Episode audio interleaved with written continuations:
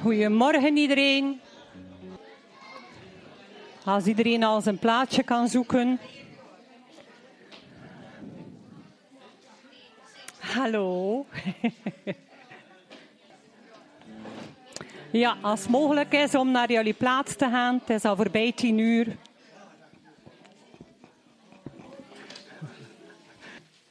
En ik wil graag beginnen met, um, met openen met een, vers, een paar versen uit Romeinen 15. Romeinen 15 van vers 7 tot um, vers 11.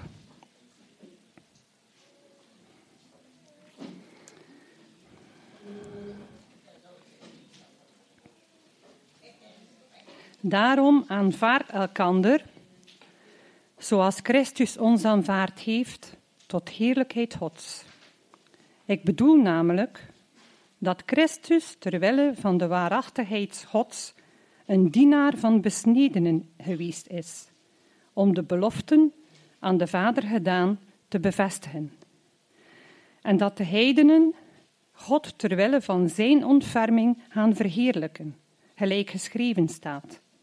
Daarom zal ik u loven onder de heidenen en uw naam met snarenspel prezen. En verder zegt hij, verheugt u heidenen met zijn volk. En verder, looft alle heidenen de Heere en laten alle volken hem prezen. Ik ben aan het lezen in Romeinen en dat trof mij wel. Gisteren las ik dat in mijn stille tijd.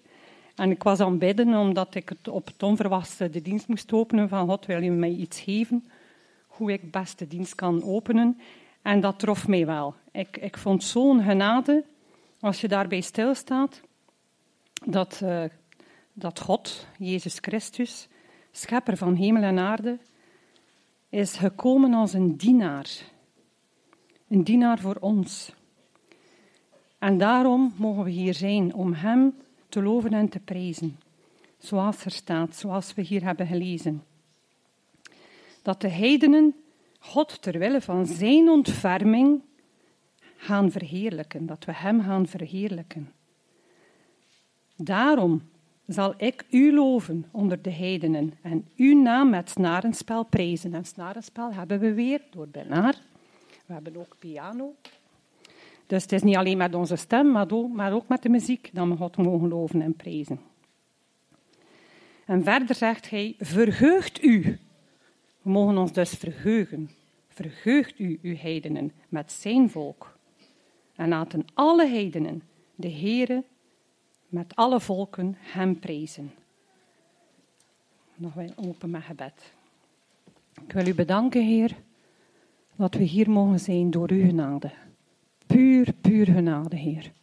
Dank u wel, Heer, dat u, o Almachtige God, schepper van hemel en aarde, bereid bent geweest om te komen als dienaar. Het had ons verstand te boven, Heer.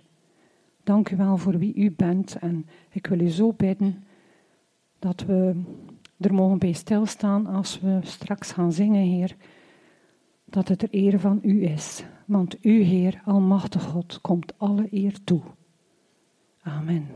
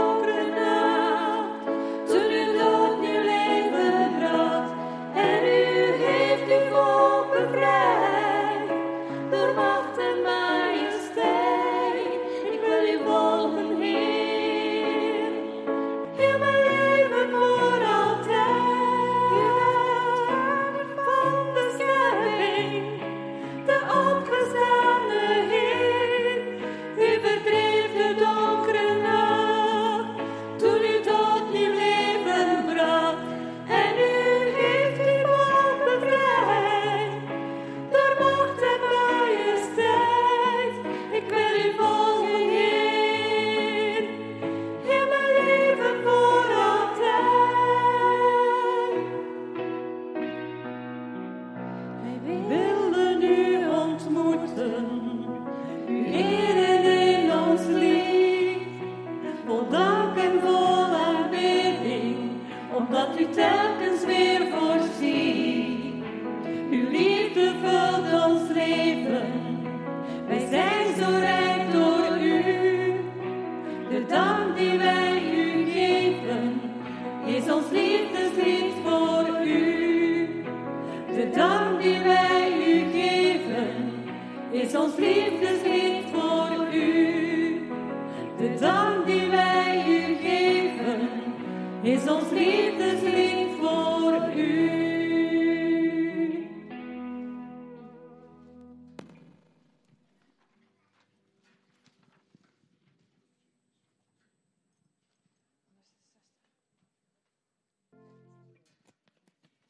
kindjes mogen allemaal wel naar voren komen.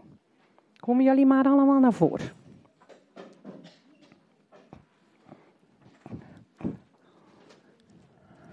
Ja, kom maar hoor. Weten jullie nog welke liedje het van de maand is? Weten jullie het nog? En je moest daar iets heel speciaals bij doen. Jezus, ja, inderdaad. Vertel het aan de mensen wie liefde heeft. Ja, dat Jezus leeft. Wat nog? Vertel het aan de mensen dat Jezus leeft. En wat nog? Vertel het aan de mensen wie liefde heeft. Ja. En nog iets. Wat geeft Jezus nog? Vrede. Ja. En nog iets. Vertel het aan de mensen dat Jezus. Juist. Ja. Ja. Helemaal. Helemaal. Perfect. Dat is wel leuk? Ja? Dan hebben we zeker wel een reden om te zingen, hè? Denk je ook niet? Ja? En niet vergeten wat dat hier uitgelegd heeft. Wat doen we als we Jezus zingen? Wat doen we dan? En heel luid, Jezus. Ja? Oké.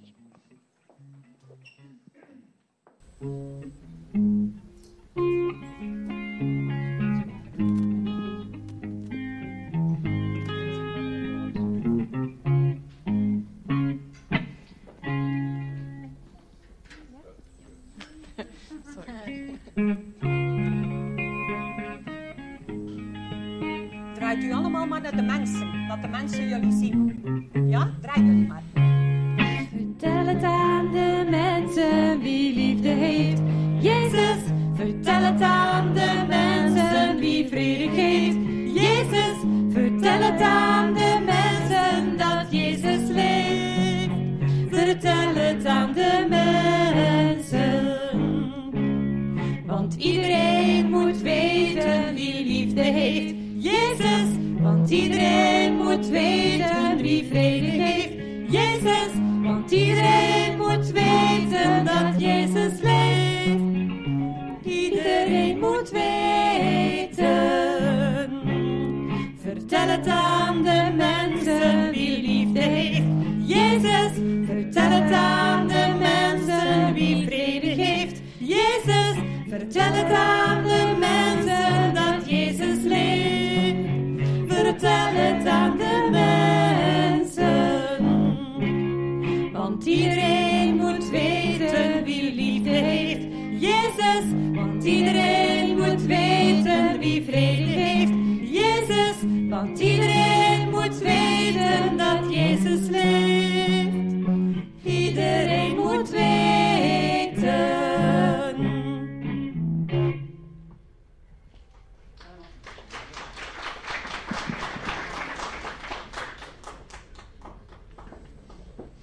Heere God, ik ben zo dankbaar als ik al die kindjes hier zie met die blije, mooie gezichten. Dank u wel, Heere God, dat je al die kinderen hebt gemaakt en dat je zoveel van hen houdt. En dank u wel, Heer, dat ze nu ook weer naar de zondagsklas mogen. Dank u wel voor de mensen die die zondagsklas geven, Heer. En ik wil u bidden dat het een hele goede zondagsklas mag worden. En dat de kindjes allemaal nog, nog meer, nog veel meer mogen weten hoeveel je van hen houdt. Dank u wel, Heere God. Amen. Kindjes mogen naar de zondagsklas. We hebben straks een moment van gebed. En eh, ik vond dat ook een heel toepasselijk lied. Om te zingen voordat we in gebed gaan. Het is eigenlijk ook al een gebed.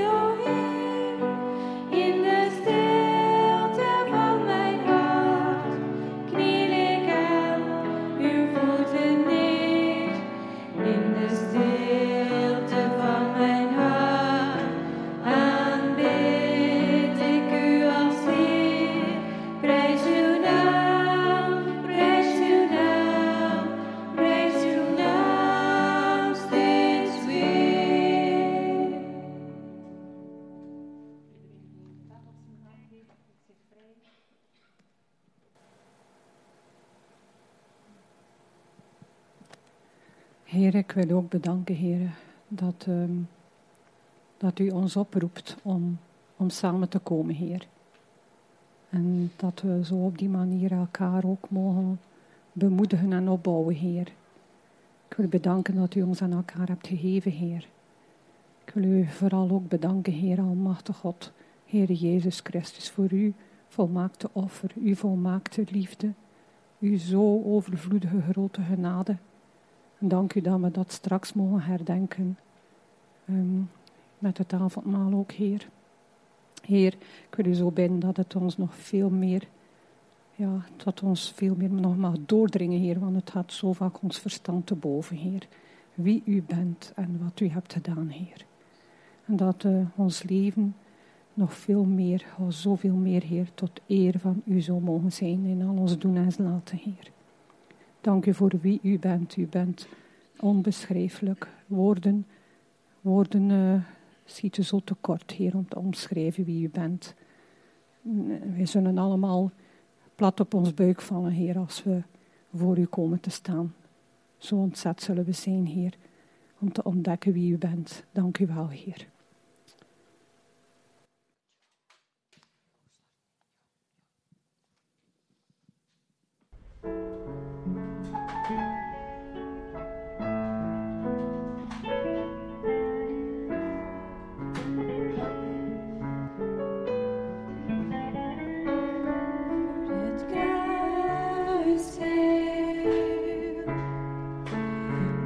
Dank u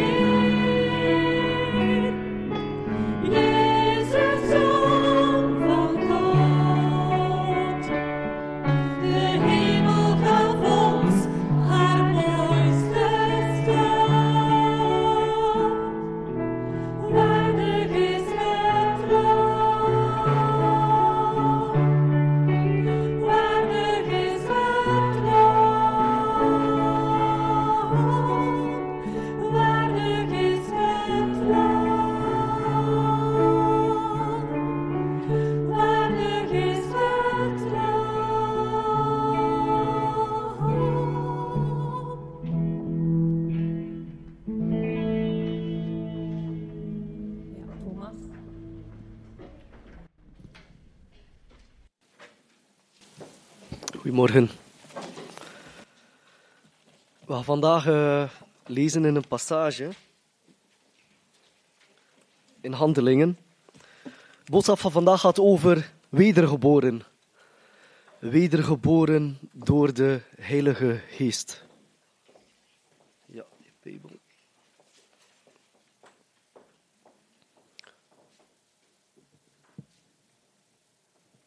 Dus de passage gaat vandaag over wedergeboren door de Heilige Geest. En voordat we echt beginnen, voordat ik begin aan de uitleg, gaan we gewoon lezen in Handelingen. Handelingen hoofdstuk 10.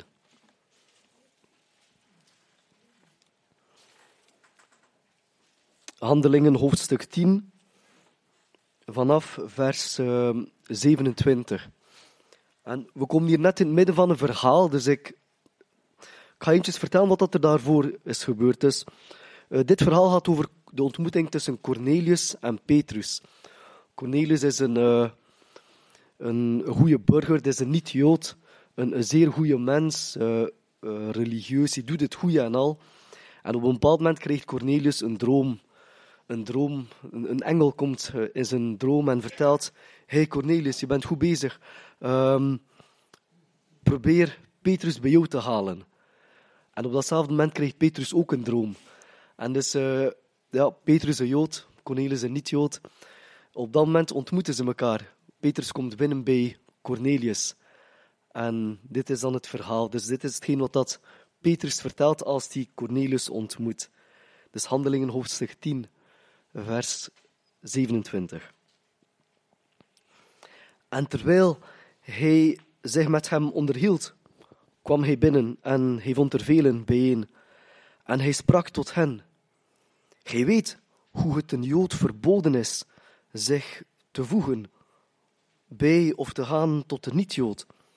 Doch mij heeft God te doen zien dat ik niemand onheilig of onrein mag noemen. En daarom ben ik ook zonder tegenspreken op uw uitnodiging gekomen.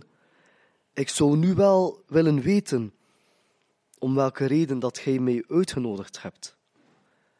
En Cornelius die zeide, juist voor vier dagen van dit ogenblik afgerekend was ik op een negende uur thuis in gebed en zie een man stond voor mij in een blinkend kleed en hij zeide, Cornelius, uw gebed is verhoord en uw aalmoezen zijn voor God gedacht geworden. Zend dan iemand naar Joppe en ontbiedt Simon, die bijgenaamd wordt Petrus. Deze is als gast in het huis van Simon, een leerlooier aan de zee. En ik heb terstond iemand tot u gezonden, en hij hebt er wel aan gedaan om hier te komen. Wij zijn dan nu allen aanwezig voor het aangezicht van God, om te horen alles wat u door de Heere opgedragen is. En Petrus opende zijn mond en zeide, inderdaad bemerk ik, dat er bij God geen aanneming des persoons is, maar onder elk volk is wie hem vereert en gerechtigheid werkt, hem welgevallig naar het woord dat hij heeft doen brengen aan de kinderen van Israël, om vrede te verkondigen door Jezus Christus. Deze is allerheer, en hij weet van de dingen die geschied zijn door het gehele Joodse land, te beginnen in Galilea, na de doop die Johannes verkondigde, van Jezus van Nazareth, hoe God hem met de Heilige Geest en met kracht heeft gezalfd. En hij is rondgegaan, weldoende en genezende, die door de duivel overweldigd waren. Want God was met hem.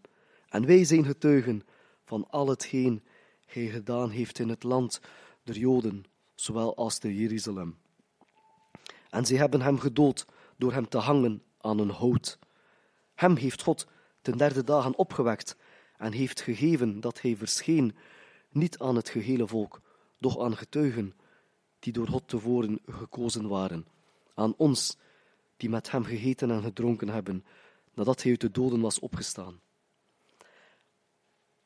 En hij heeft ons geboden het volk te prediken en te betuigen dat hij het is die door God is aangesteld tot rechter over levenden en doden. En van hem getuigen alle profeten dat iemand, dat ieder die in hem gelooft, vergeving van zonden ontvangt door zijn naam. En terwijl Petrus deze woorden nog sprak, viel de Heilige Geest op allen die het woord hoorden. En al de gelovigen uit besnijdenis die met Petrus waren medegekomen, stonden verbaasd. Dat de gave van de Heilige Geest ook over de heidenen was uitgestort. Want zij hoorden hen spreken in tongen. En zij maakten God groot. En toen merkte Petrus op: Zou iemand het water kunnen weren om deze te dopen, die evenals wij de Heilige Geest hebben ontvangen. En hij beval hen te dopen in de naam van Jezus Christus. Een heel stuk dat ik jullie heb voorgelezen. Het is ook interessant om het eventjes thuis na te lezen. Dus handelingen hoofdstuk 10. Vind het wel mooi, het sluit een beetje aan. Uh, Jan heeft zo de aanzet gegeven tot deze passage. Heel mooi. We hebben niet met elkaar gesproken, maar het is tof dat we dit zo zien. Het is goed dat we iedere keer kunnen samenkomen iedere week hier. Dat is goed. Om, te, om God te zoeken, om te vinden hoe een leven met Hem ons verandert. En hoe ook dit het leven van mensen rondom ons verandert. En christen zijn, dat word je door bekering. Hebben het aantal keer gehoord, bekering deze ochtend. En we spreken vaak over bekering, maar het is niet altijd duidelijk als je dat vertelt aan gewone mensen wat dat bekering betekent. Ik vind de Fransen en de Engelsen zijn er beter in, want die gebruiken een woord geconverteerd, conversie, converti. Je suis converti, tu es converti of I have been converted. Uh, en waarom is dat beter? Want conversie betekent dat je wordt omgevormd. Je wordt getransformeerd. Je wordt veranderd. Maar niet op een, het, is, het is niet zo dat je opeens een andere persoon wordt. Je wordt geen andere persoon, maar je wordt veranderd doordat opeens je leven een compleet andere richting krijgt. Dus je krijgt een andere richting in je leven. En daardoor word je veranderd. Het is niet dat je een andere persoon wordt. En dat betekent, je, hebt je, je karakter, je behoudt je karakter, je behoudt je cultuur. Uh, je blijft zoals dat je eigenlijk was, maar je wordt bijgeschaafd. Doordat je die andere richting krijgt in je leven. En vandaag gaan we kijken wat dat die bekering betekent. Um, het is een passage die heel rijk is. Er, er, zitten heel veel dingen in. Je kan er heel veel dingen halen uit die passage. Maar we gaan vier zaken specifieker uitnemen over bekering. Um,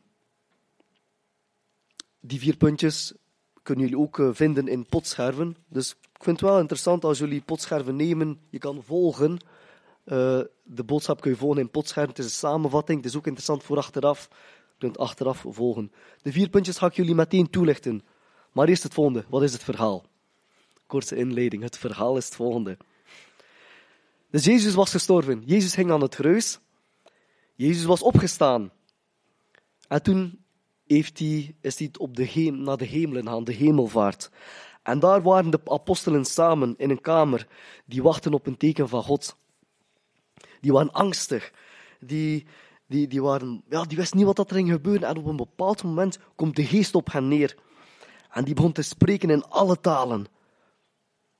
Een beetje later, Petrus, een van die apostelen dus, die wordt uitgenodigd om te gaan bij Cornelius. Maar Cornelius was een niet-Jood. En hij voelt zich ongemakkelijk. En dat is ook het passage dat we hier lezen. We voelen, Petrus voelt zich ongemakkelijk met Cornelius. En dan vertelt hij de boodschap over Jezus. En dan ziet hij dat die geest ook over die mensen komt. En ze beginnen te loven, ze beginnen te prijzen. En ze beginnen te spreken in tongen, in de hemelse taal. We gaan vier dingen leren over bekering. Ten eerste, bekering komt omdat God eerst op zoek was naar jou.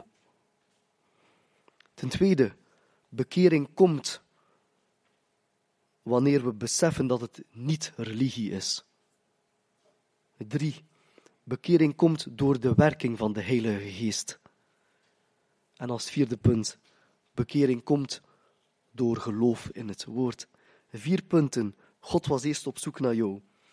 Het is anders dan religie. Het is door de Heilige Geest. En het is door het geloof in het woord. Eerste punt. Bekering komt doordat God eerst was op zoek naar jou.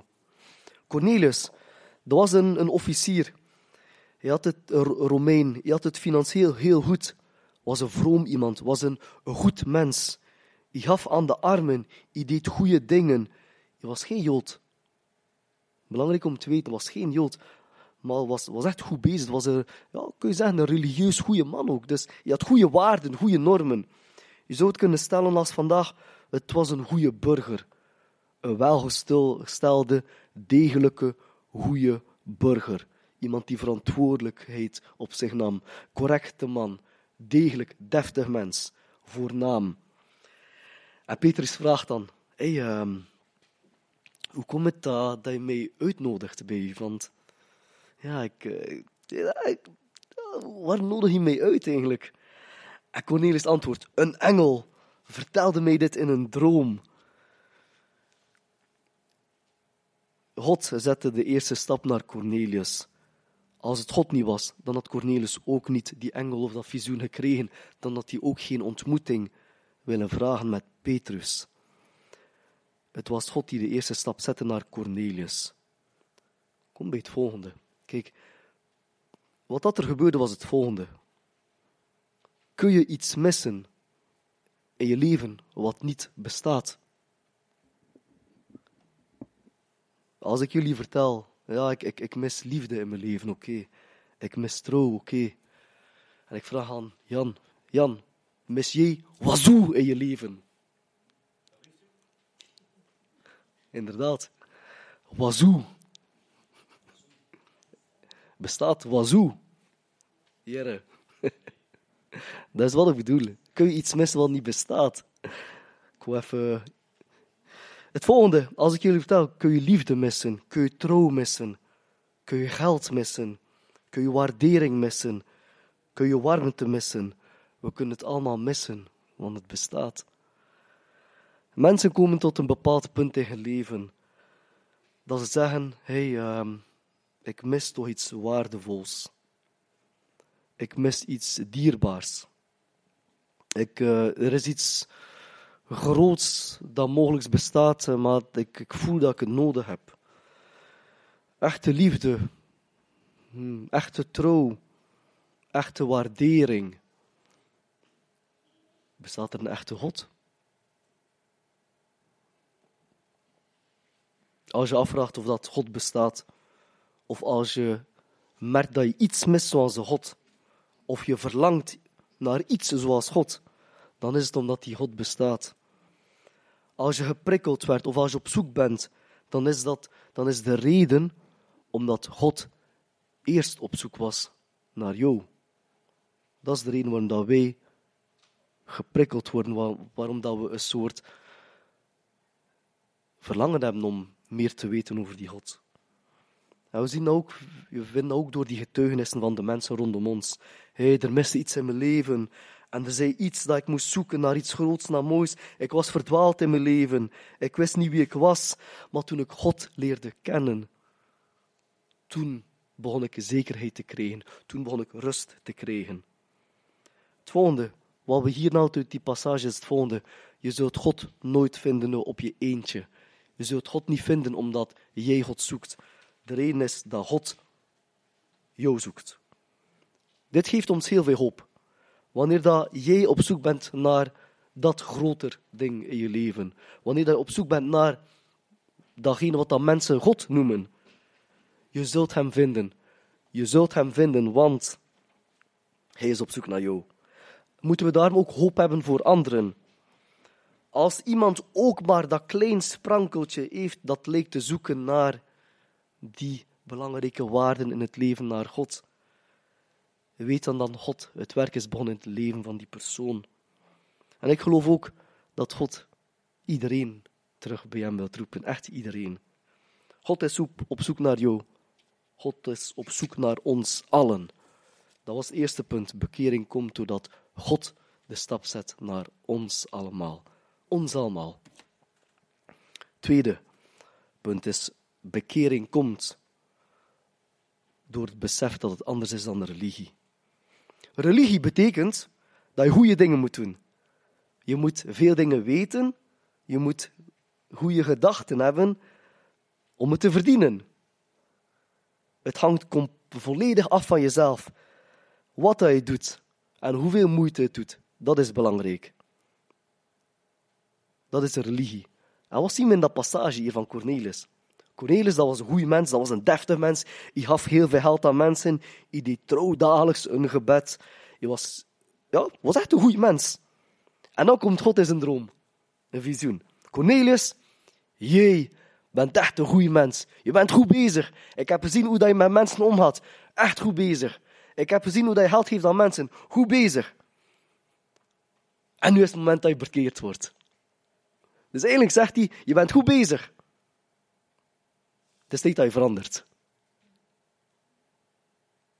Snap je? Je bent goed bezig. En omdat je goed bezig bent, is het tijd dat je verandert.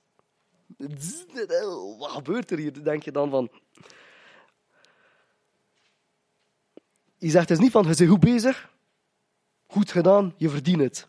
Nee, de boodschap is, het is niet door religieus te zijn dat je bekeerd wordt. Door goede dingen te doen, door goede dingen te denken. Daardoor ga je niet bekeerd worden. Want het bewijs zien we hier bij Cornelius. Tot bekering komen, tot geloof komen, betekent ook niet dat je goede dingen moet doen. Het is niet omdat je, ik- het is niet omdat je bekeerd bent, dat je- christen wordt, laten we zeggen, dat je opeens, ik moet naar de kerk komen, ik moet bijbelstudies doen, ik moet bidden, ik moet mijn tiende geven. Het is niet van moeten. Je doet het gewoon uit dankbaarheid. Groot verschil. Het probleem tegenwoordig van mensen is dat iedereen zijn eigen baas wil zijn in het leven, zijn eigen God. En je ziet dat op twee manieren. Laten we beginnen bij het eerste. Je doet wat je wilt. Je doet kwaad. Interesseert niet. Je bent een crimineel. Criminelen denken, nemen het heft in eigen handen. Criminelen zeggen, ik ben de baas over mijn leven. Ik doe wat ik wil. Interesseert me niet. Ik doe wat ik wil. Ik ben een crimineel. Even erg zijn die christenen. Die christenen die religieus zijn. Ik doe goed. Ik ben goed bezig. Ik geef mijn tienden. Ik ga naar de kerk. En daarom zal God mij bij hem nemen. Beiden zijn baas over hun eigen leven. En dat is fout. Hoe moet het wel? Een beetje, beetje diep duwen, terug naar boven komen. Je komt tot bekering op het moment dat je beseft dat het niet gaat om dingen doen of dingen denken. Je beseft dat je nooit uit jezelf zult die liefde hebben. Je zult dat je nooit uit jezelf nabijheid van God kunt krijgen. Je zult nooit genoeg, genoeg zijn voor God. Maar je beseft wel dat die ene God zegt, jij hoort bij mij. Dat is wat je daarnet ook vertelde, Jan. Jij hoort bij mij. Ik heb jou leven gegeven en ik wil je bij jou. Maakt niet uit wat je hebt gedaan. Je bent goed bezig, maakt niet uit. Je bent slecht bezig, maakt niet uit, want ik hou van jou. We mogen allemaal vertrouwen hebben. Dit, is, dit leert, deze passage leert ons dat we allemaal vertrouwen mogen hebben. We mogen tot God komen. Wat dat je achtergrond ook is, wat dat je geloof ook was vroeger, wat dat je hebt gedaan, wat dat je verkeerd hebt gedaan. God zegt, jij hoort bij mij. We verdienen het niet, maar we krijgen het. En dit is machtig. Drie. Derde punt is wat meer uitleg.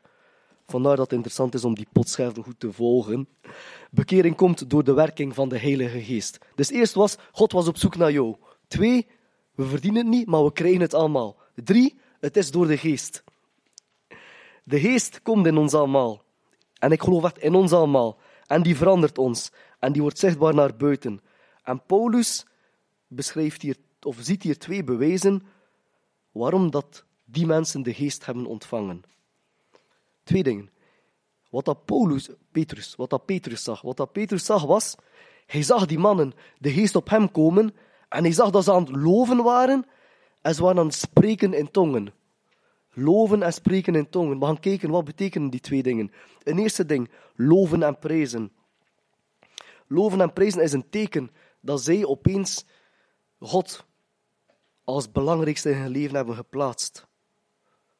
Je hele leven, alles wat je doet, alles wat je denkt, is gestuurd en wordt beïnvloed door hetgeen wat jij op dat moment belangrijk vindt in je leven. Is het jouw werk?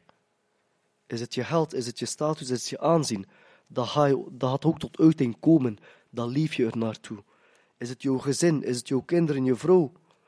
Dat ga je leven op die manier. Dat dit, als dit het belangrijkste is in je leven, dat je ook op die manier gaat leven. Bij anderen is het de zoektocht naar een partner. Bij constant eh, aan het zoeken naar wie zal mijn echtgenoot, echtgenote zijn. Wie zal echt mijn partner voor het leven zijn. Is dit het belangrijkste in je leven? Dan zal dit ook je leven compleet sturen. Is macht hetgeen wat je belangrijk vindt? Controle of troost en aandacht misschien? Dat je ook op die manier gaat leven. Het probleem is het volgende. Het zijn allemaal dingen die onstabiel zijn. En als je volledig van deze dingen afhankelijk bent, als je volledig afhankelijk bent van die dingen die ik net noemde, dan ga je merken dat dit jouw leven op een bepaald moment zal kapot maken. Het zal je eerst pijn doen. En als je pijn doet, zal het jouw leven daarna kapot maken. Sommige dingen van die punten die ik aangaf. Ik zeg niet dat het onbelangrijk is. Ik zeg ze zijn wel belangrijk. Maar ze mogen niet de eerste plaats staan in je leven. Wanneer je God centraal zet in je leven, van oké, God, ik zet ik jou als belangrijkste in mijn leven, dan ga je de wereld zien door Gods ogen. Dan ga je leven op de manier zoals dat God het jou, ja, zoals dat God het jou, jou wil dat je doet. Wanneer dat je leven bouwt op God en het belangrijkste in je leven zet, gaat het volgende gebeuren. In goede periodes ga je meer waardering hebben voor de goede dingen. In slechte periodes ga je weten dat God bij jou is en zal dit jou recht houden. Je wordt een betere vader, je wordt een betere echtgenoot, je wordt een betere moeder, omdat jij weet dat je bij God hoort. Je hebt die zekerheid, je hebt die rust en daarom ga je het doorgeven aan anderen. En als je volledig afhankelijk bent van God, je zet God in de eerste plaats, dan in die zoektocht naar je partner, dan ga je ook meer rust hebben. Ik weet dat dat niet gemakkelijk is. Ehm, er zijn ook heel veel dingen in mijn leven dat ik als eerste zet. En ik raak er ook niet makkelijk vanaf. En als wordt, wordt ja, oké, ik weet misschien vroeger van, ja, oké, ik ben echt bezig met, met ja, met mijn gezin. En dan vraag ik me af, ja, hoe kan ik, ja, ik ben constant bezig met mijn gezin, hoe kan ik God in de eerste plaats zetten als ik mij constant zorgen maak over mijn eigen gezin? Of als ik mij constant zorgen maak over hoe mijn leven eruit zal zien binnenkort. Ik weet het niet. Maar vandaar, ik moedig jullie aan het volgende. Ah ja, dus het volgende, de geest, wanneer dat je de, wat dat deze passage leert, is het volgende. Als je, je wordt bekeerd door de geest en dat is als je God als eerste plaats zet in je leven. En dat komt tot uiting door lofprijs. Hier had het hem. Je, je looft God. Je dankt God omdat God belangrijk is, omdat God het belangrijkste is in je leven. En dat verandert jou. Het is ook hoe dat, hoe dat Petrus zag. Ah ja, die mensen zijn bekeerd, die mensen hebben de geest ontvangen, want ze loven God. Je kan enkel God loven en prijzen als je God als belangrijkste in je leven zet. Dat is één. En twee, spreken in tongen. Wat hebben we te, te vertellen over spreken in tongen bij bekering? Dit is een interessante. Vooral in de evangelische kerk. Spreken in tongen bij bekering. Wat betekent dit?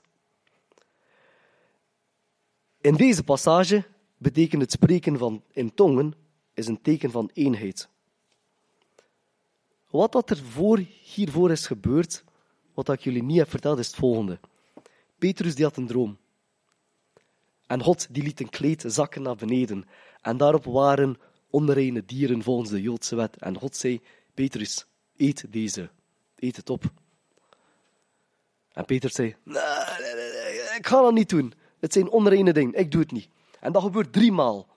Petrus zegt driemaal, nee, ik eet het niet op. En God zegt, Petrus, wat ik rein verklaar, is rein. Eet het gewoon op. Je denkt dat deze twee stukken niets met elkaar te maken hebben. Maar wat gebeurt er? Petrus die komt binnen bij Cornelius, een niet-Jood. En die voelt zich onwennig. En die zegt, hey, eh, sorry Petrus, Ehm, ik voel me een beetje ongemakkelijk, want ik heb nog nooit gedaan. Dit, wat ik nu doe, heb ik nog nooit gedaan. Ik ben nog nooit binnen geweest bij een niet-Jood. Ik, eh, ja, ik als, ja, een beetje vreemd. Zoals ik, ik kom binnen bij, bij en ik zeg, ja Jere, sorry, kijk, ik ben nog nooit bij een, eh, een blanke kerel binnen geweest. Sorry, eh, ik voel, het voelt een beetje onwennig. Sorry daarvoor. ik weet niet wat ik moet doen. Ik, ben- ik, ik ben bruin, jij bent blank. Ik weet niet. Dus, het is ongemakkelijk. Maar dit is wat er gebeurde bij Petrus. Petrus kwam binnen bij Cornelius, die voelt zich ongemakkelijk. Oké, en dan, wat gebeurt dan? Je vertelt, vertelt toch de boodschap over, Jezus. En dan de geest komt binnen en je ziet dat ze spreken in tongen. En hij zegt, oh, oh die, ze zijn gewoon aan het spreken in hemelse talen. Je vertelt dit aan zijn vrienden. Ik was bij Cornelius, een niet-Jood, en ik vertelde het verhaal van Jezus en die sprak in tongen. En weet je waarom dat hij verbaasd was? De reden waarom dat hij verbaasd was, dat hij zo, dat hij zo eh, zegt van, oh, ik, ik, ik, er, kijk, zijn euro was ervan. Ping! En welke euro? Het deed hem denken aan Pinksteren. Wat gebeurde er op Pinksteren? Dus Jezus was dood, die was, die, ja, die was gestorven, die was opgestaan en die was, op, ja, en die was hemel. En de apostelen waren samen aan het wachten op een signaal. Op een signaal van, ja, van, van de hemel. En toen kwam de geest op hen neer en allen begonnen te prediken. Niet in hemelse talen deze keer, maar ze begonnen te prediken in alle talen. Arabisch, Joods, Grieks, eh, Tunesisch. Ik weet niet welke, welke mensen dat, maar alle mensen die aanwezig waren, die hoorden de preek in hun eigen taal. Stel dat wij er waren, West-Vlamingen, hadden we, waarschijnlijk, hadden we zeker ook, niet waarschijnlijk, zeker ook de preek gehoord in het West-Vlaams. Niet Antwerps, West-Vlaams. Weet je wat dat betekent, Pinksteren? Heb je over nagedacht? Jezus die was gestorven. En het nieuwe begin, die was opgestaan. Het nieuwe begin van het christendom, laten we zeggen. De allereerste, de allereerste boodschap van het evangelie was niet in Joods, was niet in Arabisch, was niet in Aramees. Het was in alle talen. En dit is een signaal van God die zei van, ik geef jullie een zeer sterke boodschap. De allereerste preek, geïnspireerd door, de, door het evangelie, laten zeggen, was in alle talen. En daarmee zegt hij, alle volken zijn gelijk, alle culturen zijn gelijk, iedereen is gelijk. En iedereen is één. Een niet-Jood, een Jood. En, en dat was de reden waarom dat Petrus zo, zo oké, je zag die niet-Jood spreken in tongen. Je, herinnert zich het kleed van dat God zegt van ja, alles wat dat ik zeg dat rein is, is rein. En toen dacht oké, nu snap ik het. De Heilige Geest is gekomen en wij zijn allemaal één. Bekering komt door de Heilige Geest. En wat doet de Geest? Die zorgt ervoor dat we God gaan loven uit dankbaarheid. En die zorgt ervoor dat wij God als eerste plaats in ons leven zetten. Het is de Heilige Geest die het doet. En de Heilige Geest zorgt ook voor eenheid tussen ons allemaal. Dat is machtig. De Heilige Geest brengt eenheid. Wij allemaal zijn verbonden. Of dat dan nu vroeger moslims waren, of, of boeddhisten, of katholieken, of protestanten, of evangelischen. We zijn één door de Geest.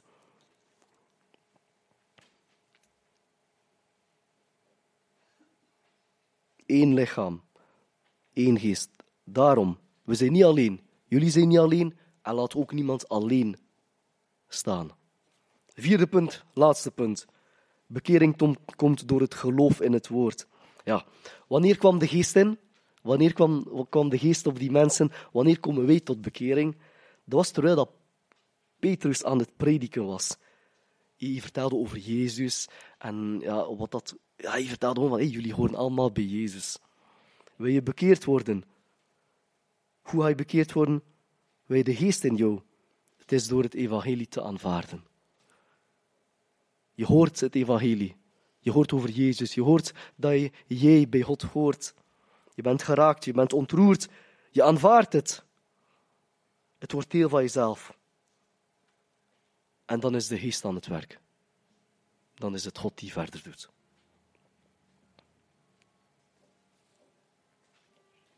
God gaf je het leven en je hoort bij God.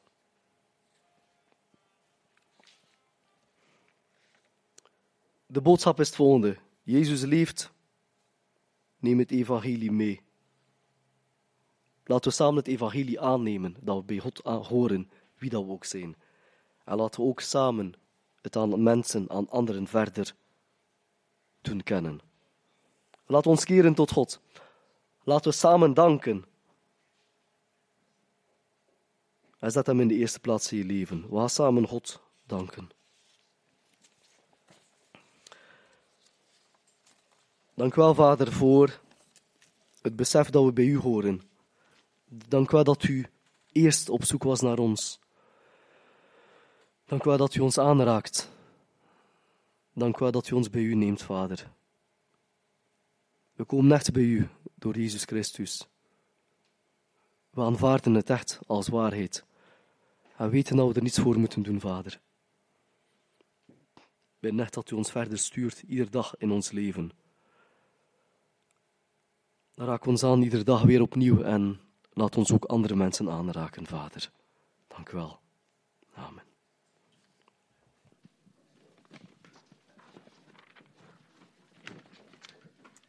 Dank u wel, Thomas. En eh, we eindigen met een laatste lied. Een lied van hoop. Spoedig zullen wij hem zien.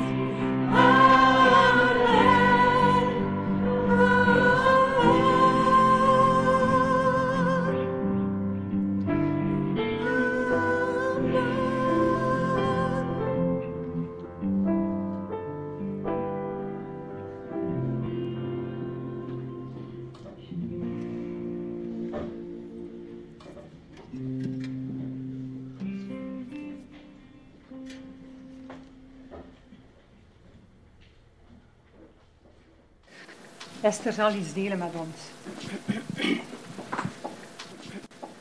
Goedemorgen. Um, afgelopen woensdag heb ik geluisterd naar de infosessie van Gave Vesten over um, wat dat wij als kerken in België zouden kunnen doen voor de vluchtelingen vanuit Oekraïne. Um, ik weet dat het voor iedereen, veel mensen gaat het aan het hart om te horen en te zien wat er gebeurt, maar het is erg moeilijk om ja, grip te krijgen op wat we kunnen doen. En daarom wou ik toch even kort iets delen over die infosessie. Uh, maar moesten er vragen of, of bijkomende opmerkingen zijn, spreek mij zeker aan. Dus wat wil Gave de Veste doen? Die wil eigenlijk vooral een stukje inzetten op verbinding en ontmoeting tussen kerken. Ze willen eigenlijk echt ervoor zorgen dat de kerken samen sterk staan in deze strijd. Het is nu het moment dat wij samen als kerk kunnen laten zien dat wij één zijn. Um, Gave Vesten die wil advies geven, die wil coördineren, ze willen informatie verspreiden en ze gaan ondersteuning bieden um, voor alle initiatieven die er maar opgezet worden om iets te doen voor de vluchtelingen vanuit Oekraïne. Ze hebben daarvoor een website gelanceerd, dus gavevesten.be slash Oekraïne. Daar kan je alle informatie op terugvinden. Daar staan ook contactgegevens op van, van Jelle van uh, Gave Vesten. Dus als je iemand zoekt of ergens met iemand in contact gebracht wil worden of je hebt een idee, kun je daar naartoe gaan en hij zal jou helpen om de juiste personen te vinden als dat nodig is. Uh, de vraag is echt om niet alleen aan de slag te gaan, maar om samen te werken. Laat weten wat je wil doen. Uh, laat ook gewoon weten als je iets wil doen, maar je weet niet wat. Je zegt van, ik zou zo graag mijn handen uitsteken, of, of tijd of energie of middelen inzetten. Maakt niet uit wat je wil doen, laat het weten. Spreek erover. Um, al is het bidden, het is ook fijn om te weten dat er gebeden wordt. Um, goed, dan wat meer praktisch. Wat kunnen, wat kunnen we doen? Bidden. Um, ik denk dat dat eerst en bovenal een van de allerbelangrijkste dingen is om te doen, bidden. Gave Vesten gaat daar ook in ondersteunen. Dus de komende weken zal er iedere zondagavond een Zoom-meeting georganiseerd worden, waarop dat er gebeden wordt door kerken over heel België voor Oekraïne. En ik wil um, onszelf als kerk uitdagen. Ik zou graag een lijst opstellen um, met mensen die eventueel willen deelnemen aan die Zoom, om ervoor te zorgen dat wij als kerk toch op zijn minst iedere week op die Zoomavond vertegenwoordigd zijn. Dus als je dat ziet zitten, laat zeker iets weten, dan voeg ik jouw naam toe aan de lijst en dan zorgen we dat we dat uh, verspreiden. Mogen natuurlijk ook altijd meerdere mensen deelnemen, dat is geen probleem. Dan opvang voorzien. Er zijn twee soorten van opvang nodig: langdurige opvang en uh, crisisopvang. Dus de langdurige opvang, de aanmoediging vanuit uh, Havenvesten is om dat samen te doen. Zeg je van wij als gezin zouden mensen willen opvangen, zoek een gezin dat jou mee wil ondersteunen. Um, want het is geen gemakkelijke opdracht om mensen te gaan opvangen. En je kan elkaar helpen op heel veel manieren door dat samen te doen. Dus een voorbeeld dat ze aanhaalde was, je kunt een gezin opvangen voor een maand of drie en dan afwisselen. Dan een, paar maanden in een ander gezin. En zo heen en weer. En als dat twee gezinnen zijn uit dezelfde kerk, dan ga je elkaar al kennen. Dan gaat die transitie niet zo groot zijn. Je kunt dat ook doen door, door te zeggen, ze, ze wonen en verblijven hier, maar één keer in de zoveel weken gaan ze een weekend naar een ander gezin. Zodanig dat dat gezin dat opvangt wat ontlast is. Dus er zijn heel veel praktische ideeën en mogelijkheden ook om opvang te organiseren. Crisisopvang, daarvoor zijn ze uh, dat, dat, gaat waarschijnlijk ook nog wat, wat, dringender worden naar de toekomst toe, als, er nog wat meer, uh, als de vluchtelingenstroom nog wat groter wordt. Um, zijn ze ook op zoek naar grotere gebouwen waar dat er sanitair is dat in orde is. Dat is het enige vereiste. Um, voor beide groepen van opvang is het gewoon heel belangrijk om te weten. Die mensen moeten zich uiteindelijk op een dag aanmelden in Brussel voor de administratie. Maar ze zijn niet verplicht om dat direct te doen. Ze hebben 90 dagen de tijd nadat ze toegekomen zijn in België om zich daar aan te melden. Um, en daarnaast dat aanmelden en de hele administratieve procedure die erachter zit, daar is superveel informatie over te vinden, ook op de website van Gave Vesten. Uh, moest je daar vragen over hebben, spreek zeker mij aan of, of nog iemand anders die er iets van weet, of kijk een keer op de website. Um, dat zijn zeker geen dingen om je zorgen over te maken. Dat mogen zeker geen drempels zijn om mensen te op te vangen. Um, ik denk dat wat administratieve drempels betreft, het allerbelangrijkste om te weten is dat die mensen uiteindelijk een ontheemden statuut krijgen. Dat is een Europees statuut, eh, waarmee dat ze recht hebben op werk, onderwijs en of leefgeld. Dus die mensen die worden hierin, uh, ze zijn een jaar lang vrijgesteld. Dan, wat kunnen wij nog doen naast opvang en bidden? Uh, betrokken zijn, steunen. Het is heel goed om contact te onderhouden met uh, Russische en Oekraïnse kerken in de omgeving, hen te laten weten dat we voor hen bidden en regelmatig te vragen van, kunnen we iets voor jullie betekenen? Uh, hebben jullie hulp in de hand nodig? Um, als je mensen kent vanuit die regio, spreek ze zeker aan. Laat ze zeker weten dat je bereid bent om iets te doen. Laat ze zeker ook weten dat je voor hen bidt. En uh, als je iemand tegenkomt die uh, gevlucht is, het allereerste dat ze nodig hebben is rust en iemand naast zich. Gewoon een luisterend oor. Iemand die ze als gelijkwaardige behandelt en iemand die ze durft meenemen de stad in. Ga samen iets drinken. Uh, kook een keer voor iemand. Um, dus um, dit is gewoon heel kort wat um, de belangrijkste puntjes waren die eigenlijk naar die, uit die meeting naar boven zijn gekomen. En ik zou heel, ben heel benieuwd nu ook naar, naar jullie. Um, als je zegt van, ik, ik zou mijn handen wel willen uitsteken, ik wil wel iets doen, laat het uh, mij weten. Ik ga proberen om een lijstje te verzamelen met alle namen uh, van de mensen die zeggen, ik zou iets willen doen, ook al weet je niet wat.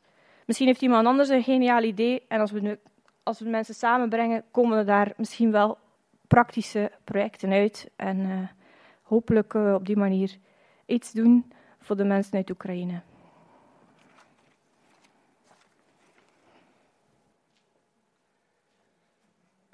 Goedemorgen. Uh, ik sta hier vooraan om jullie als gemeente te vragen of dat je wilt deze week bidden voor Jury. Wat is er nu gebeurd? Uh, wij hebben begin maart een brief gekregen dat Jury terug voor de gerechtsdokter moet verschijnen. Dat is op 18 maart, volgende vrijdag. En dat zal waarschijnlijk de laatste zitting zijn. Dus dat wil zeggen dat de gerechtsdokter van ons gaat daar zijn, de gerechtsdokter van de tegenpartij gaat daar zijn, de gerechtsdokter die aangesteld geweest is van de politierechtbank in Kortrijk gaat daar jury ook onderzoeken. Um, dat is na zeven jaar dat wij wachten achter een uitspraak. Maar dat wil zeggen, de gerechtsdokter moet dan nog een dossier indienen bij de politierechtbank. En dan pas, wij weten nog echt niet wanneer, maar dan gaan we naar het gerecht met onze advocaten voor een gerechtelijke uitspraak. Dat kan misschien nog twee jaar duren, dat kan nog drie jaar duren. Dus um, we zitten nu voor het moment op allez, 23 april, gaat zeven jaar zijn. Nu voor nieuwe mensen, uh, wie is Jury? Jury is mijn tweede zoon. Heeft in uh, 23 april 9, uh, 2015 een dode hoekongeval meegemaakt, maar gelukkig overleefd, natuurlijk met hele grote verwondingen. Um, ik zou ook wel vragen of je wel bent voor zijn osteo-integratie. Osteo-integratie, dat is een pin die vastgemaakt geweest is in het bot.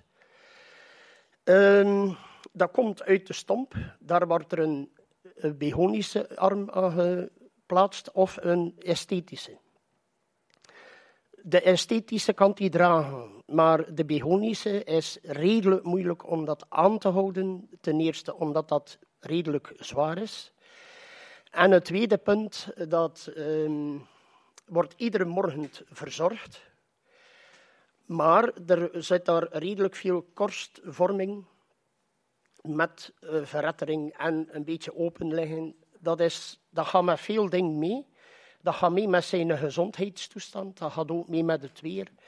Dat gaat eigenlijk met veel dingen mee. Dus zijn esthetische prothese draagt hij vier, vier uur op een dag, soms twee keer vier uur.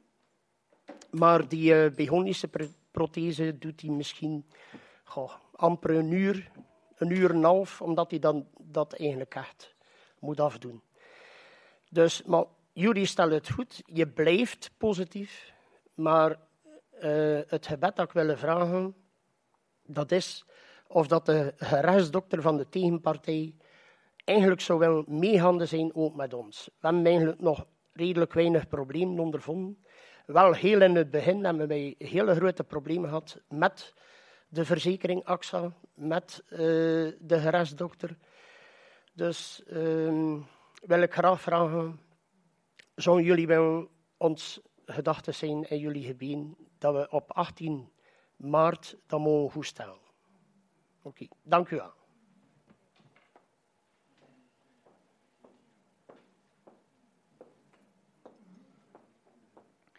Kunnen we misschien nu nog een heel kort moment nemen om uh, te bidden voor Oekraïne en voor uh, de situatie van Juri.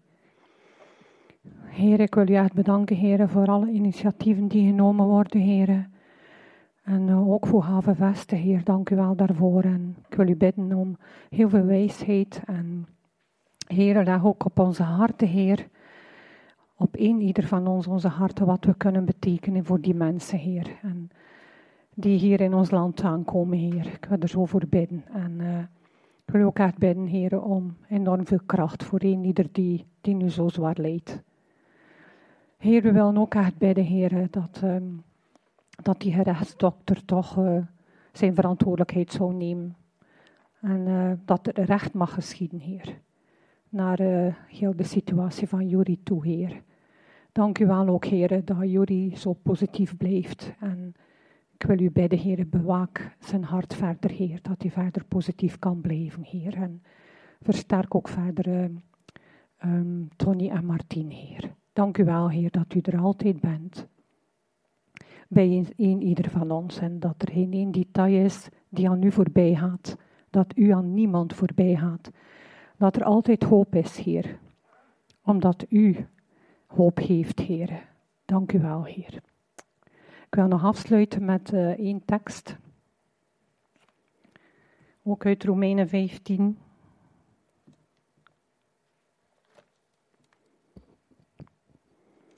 Romeinen 15, vers 13. De God nu der hopen vervullen u met louter vreugde en vrede in uw geloof, om overvloedig te zijn in de hoop door de kracht des Heilige Geestes. Nog een gezegende zondag en een gezegende week allemaal.